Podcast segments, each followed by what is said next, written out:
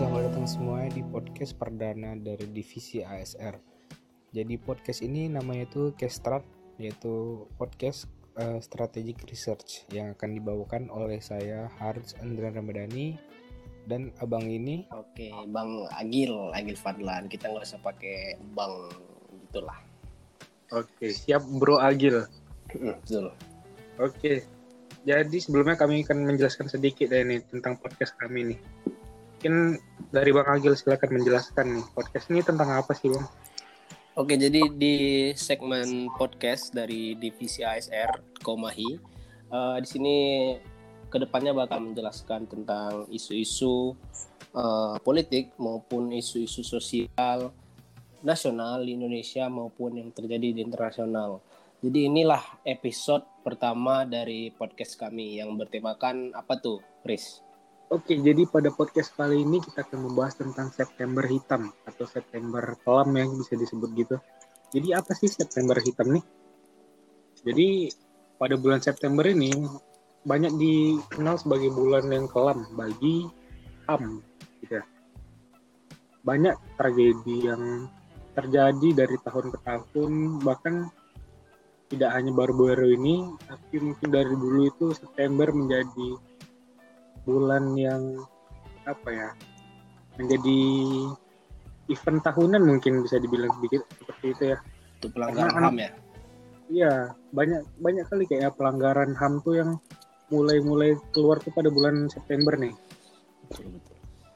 Nah, jadi pada podcast kita kali ini kita akan membahas beberapa tragedi-tragedi pelanggaran HAM yang ada di Indonesia. Oke, bahasan pertama adalah tentang pembunuhan Munir. Silakan dari Bang Agil. Oke, terima kasih Haris. Uh, jadi pembunuhan Munir ini, ini merupakan kasus pelanggaran HAM yang sampai sekarang sudah 17 tahun memperingati dari 2004 Munir Said Talib uh, dibunuh pada saat ia uh, mau ke Belanda tuh uh, mau mengerjakan studi lalu dia dibunuh dengan keji melalui racun yaitu zat arsenik uh, yang dimasukkan ke dalam makanan dan minumannya.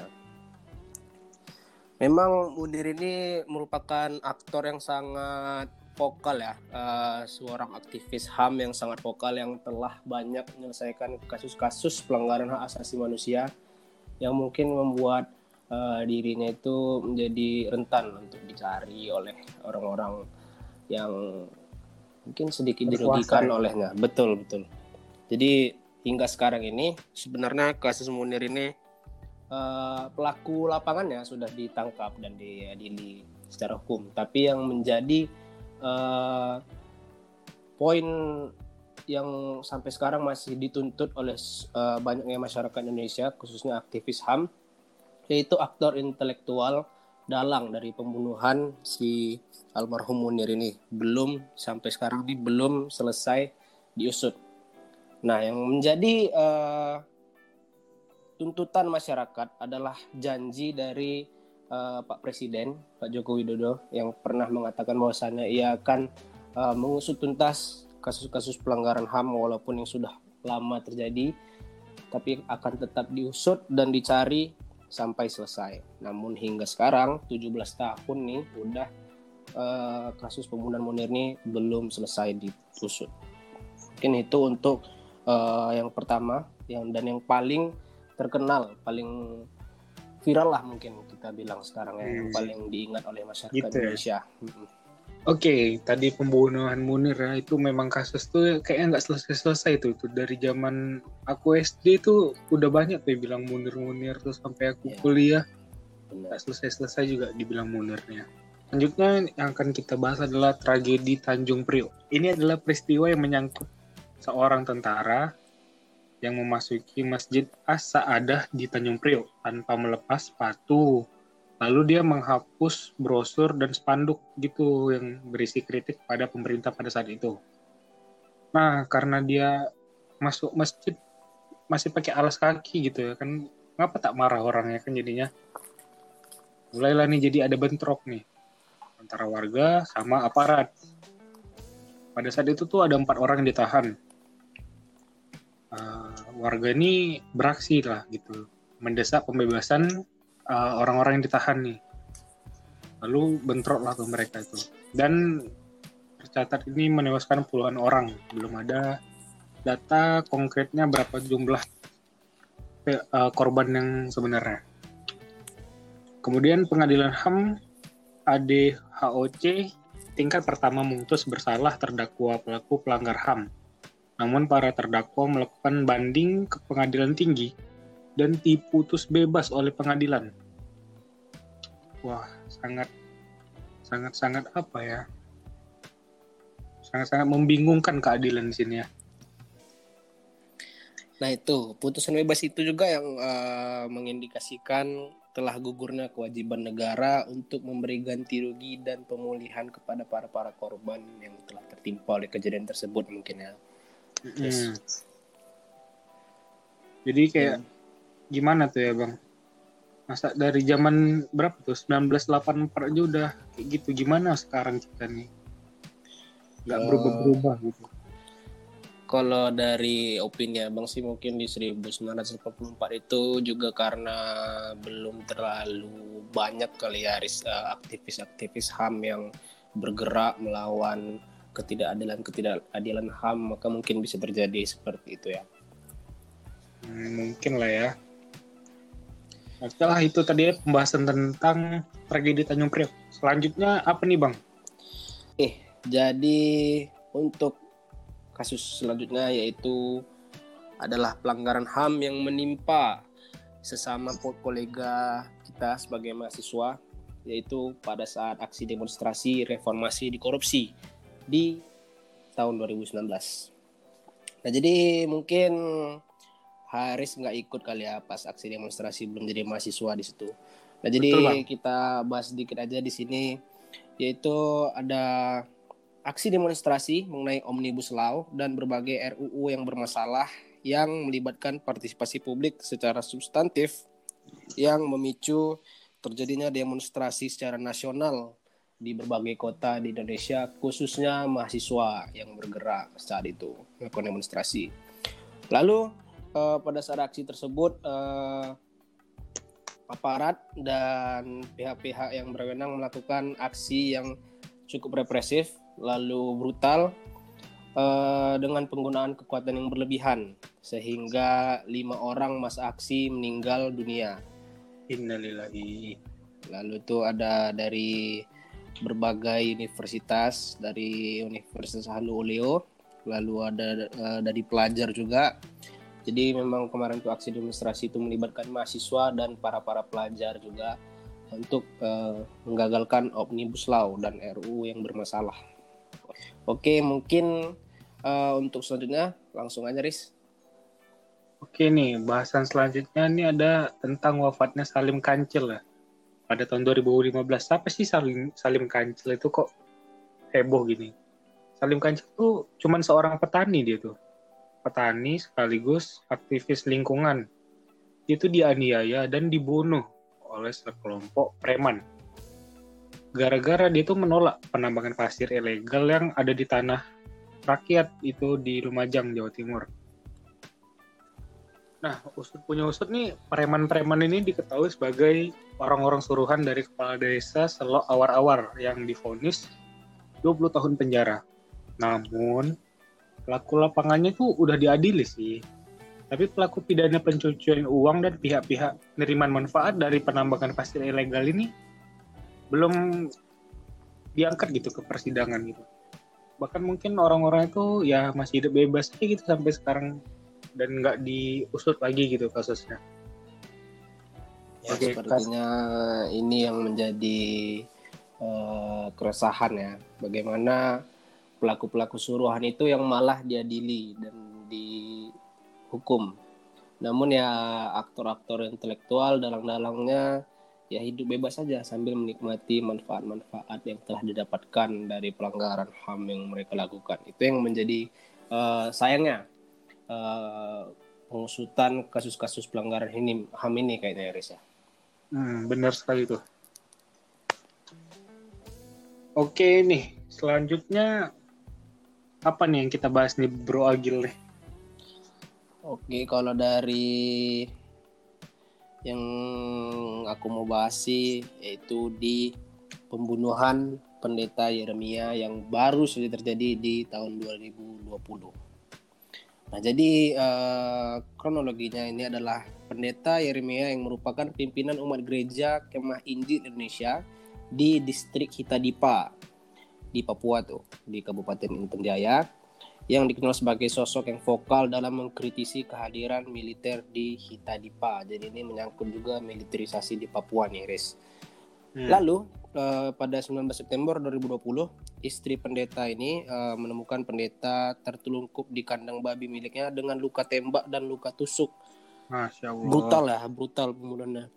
Bila dan sih Sebelum menghembuskan nafas terakhirnya ini juga pendeta, pendeta Yeremia ini berkata pada istrinya bahwa orang yang biasa mereka jamu di rumah mereka adalah seseorang tentara yang bertugas di Hitadipa yang telah menembaknya.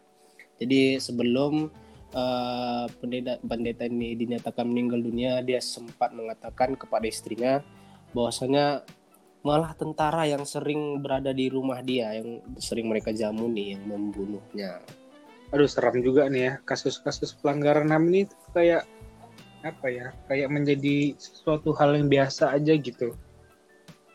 Nyawa manusia direnggut secara seenaknya gitu kayak mahal begitu loh nyawa, nyawa seorang manusia itu. Men pelanggar pelanggar ham ini dengan semena-mena mencabut nyawanya gitu. Nah selanjutnya nih ada nih tragedi Semanggi kedua tahun 1999. Ini nih berarti setelah reformasi ya. Betul. Kasus Manggido ini terjadi pada tanggal 24 sampai 28 September 1999. Saat itu lagi marak-maraknya aksi mahasiswa menentang RUU Penanggulangan Keadaan Bahaya atau PKB dan tuntutan mencabut dui fungsi ABRI. ABRI ini merepresi aksi-aksi tersebut tim relawan kemanusiaan mencatat 11 orang meninggal dan 217 orang luka-luka dalam peristiwa tersebut. Nah, lagi-lagi nih kasus bukan lagi-lagi sih ya. Mungkin ini adalah contoh nyata dari dari zaman dulu itu setiap mahasiswa menyuarakan suara-suaranya itu pasti ada saja korban-korban yang berjatuhan gitu dari lagi Semanggi ini yang tadi ada reformasi di korupsi yang baru-baru saja terjadi itu proses omnibus law ya. Betul. Nggak selesai-selesai gitu mahasiswa ini menjadi korban padahal kita ini hanya menyuarakan suara-suara rakyat yang tidak tersampaikan gitu. Betul.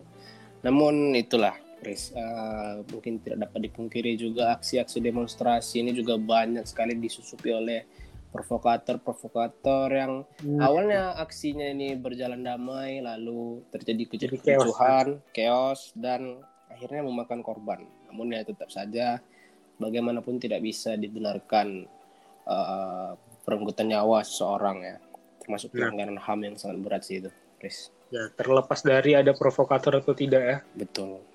Apalagi ini kan bagi penegak hukum yaitu menegakkan hukum dan ada juga di undang-undang itu tidak boleh menggunakan peluru asli dalam demonstrasi namun kenyataannya sudah berulang-ulang kali juga digunakan peluru asli itu. Nah selanjutnya apa nih? Oke, yang terakhir pada kasus pelanggaran HAM yang terjadi di September itu ada peristiwa 30 September dan ini sudah lama uh, kalau kita bilang ini adalah G30 SPKI yang terjadi pada tahun 1965. Benar. Jadi terjadi juga di September. Maka September inilah uh, bulan kelam bagi uh, seluruh masyarakat Indonesia, khususnya penegak-penegak hak asasi manusia karena pelanggaran ini sangat banyak terjadi. Salah satunya adalah G30 SPKI yang sampai sekarang menjadi sejarah kelam bagi Indonesia. Oke, jadi seperti yang mungkin kalian juga udah tahu pada peristiwa G30 SPK ini di 1965 dan 1966. Para korban dan anggota keluarganya dibiarkan berjuang sendiri, sementara mereka yang diduga bertanggung jawab bebas dari hukuman. Pihak berwenang Indonesia menelantarkan jutaan korban dan anggota keluarga korban pada peristiwa 1965 dan 1966 yang mengalami salah satu pembunuhan massal genosida terburuk di abad ini. Dan lalu setelah upaya kudeta yang gagal pada 30 September, militer Indonesia yang dipimpin oleh Mayor Jenderal Soeharto melancarkan serangan sistematis terhadap tersangka komunis dan sejumlah kelompok kiri lainnya. Lalu dalam pengusutannya, dalam Kejaksaan Agung sudah didesak untuk menindaklanjuti laporan Komnas HAM pada tahun 2012 tentang temuan bukti kejahatan terhadap kemanusiaan oleh aktor negara dan negara ini uh, dan melakukan uh, penyelidikan yudisial yang sampai saat ini belum ada tindak lanjut yang signifikan. Walaupun sudah sangat lama di 1965 namun para para penegak HAM masih berjuang untuk menegakkan keadilan hak asasi manusia di negeri kita ini, Riz. Iya, benar. Kalau nggak salah juga ini menjadi apa ya? Momen-momen kelam itu dikarenakan banyak yang salah sasaran gitu, Bang Betul. Orang-orang tuh yang dibunuh sebagai yang tersangka komunis ini nyatanya tuh orang biasa gitu. Tapi ya dibunuh. Itulah menjadi sangat ringan bagi seorang manusia untuk merenggut nyawa manusia lainnya.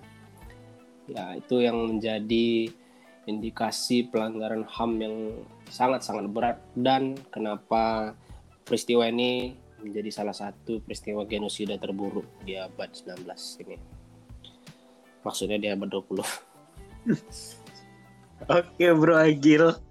Salah di situ Oke, jadi itu adalah runtutan peristiwa-peristiwa pelanggaran hak asasi manusia yang terjadi di bulan September yang menandai adanya September hitam.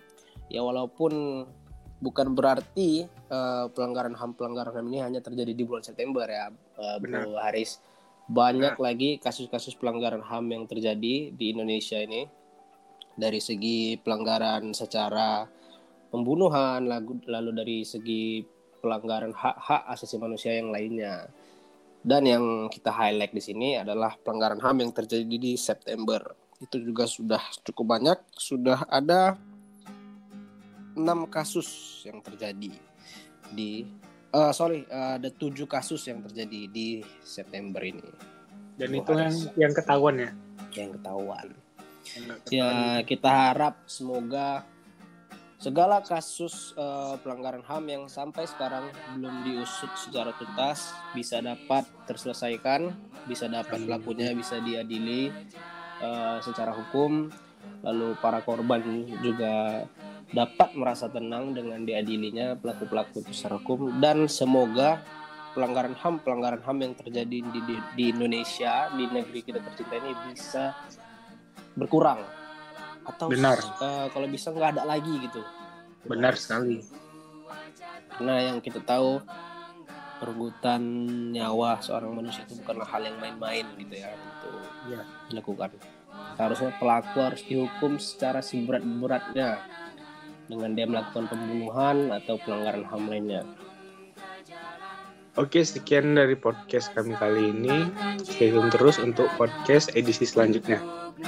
Mohon maaf apabila ada kesalahan pengucapan kata dan terima kasih karena telah mendengarkan podcast kami. Akhir kata, Assalamualaikum warahmatullahi wabarakatuh. Panjang nafas perjuangan, hidup mahasiswa. Hidup mahasiswa. Hidup rakyat Indonesia. Hidup rakyat Indonesia. Hidup perempuan Indonesia. Hidup perempuan Indonesia. HI satu. satu. Komahi maju.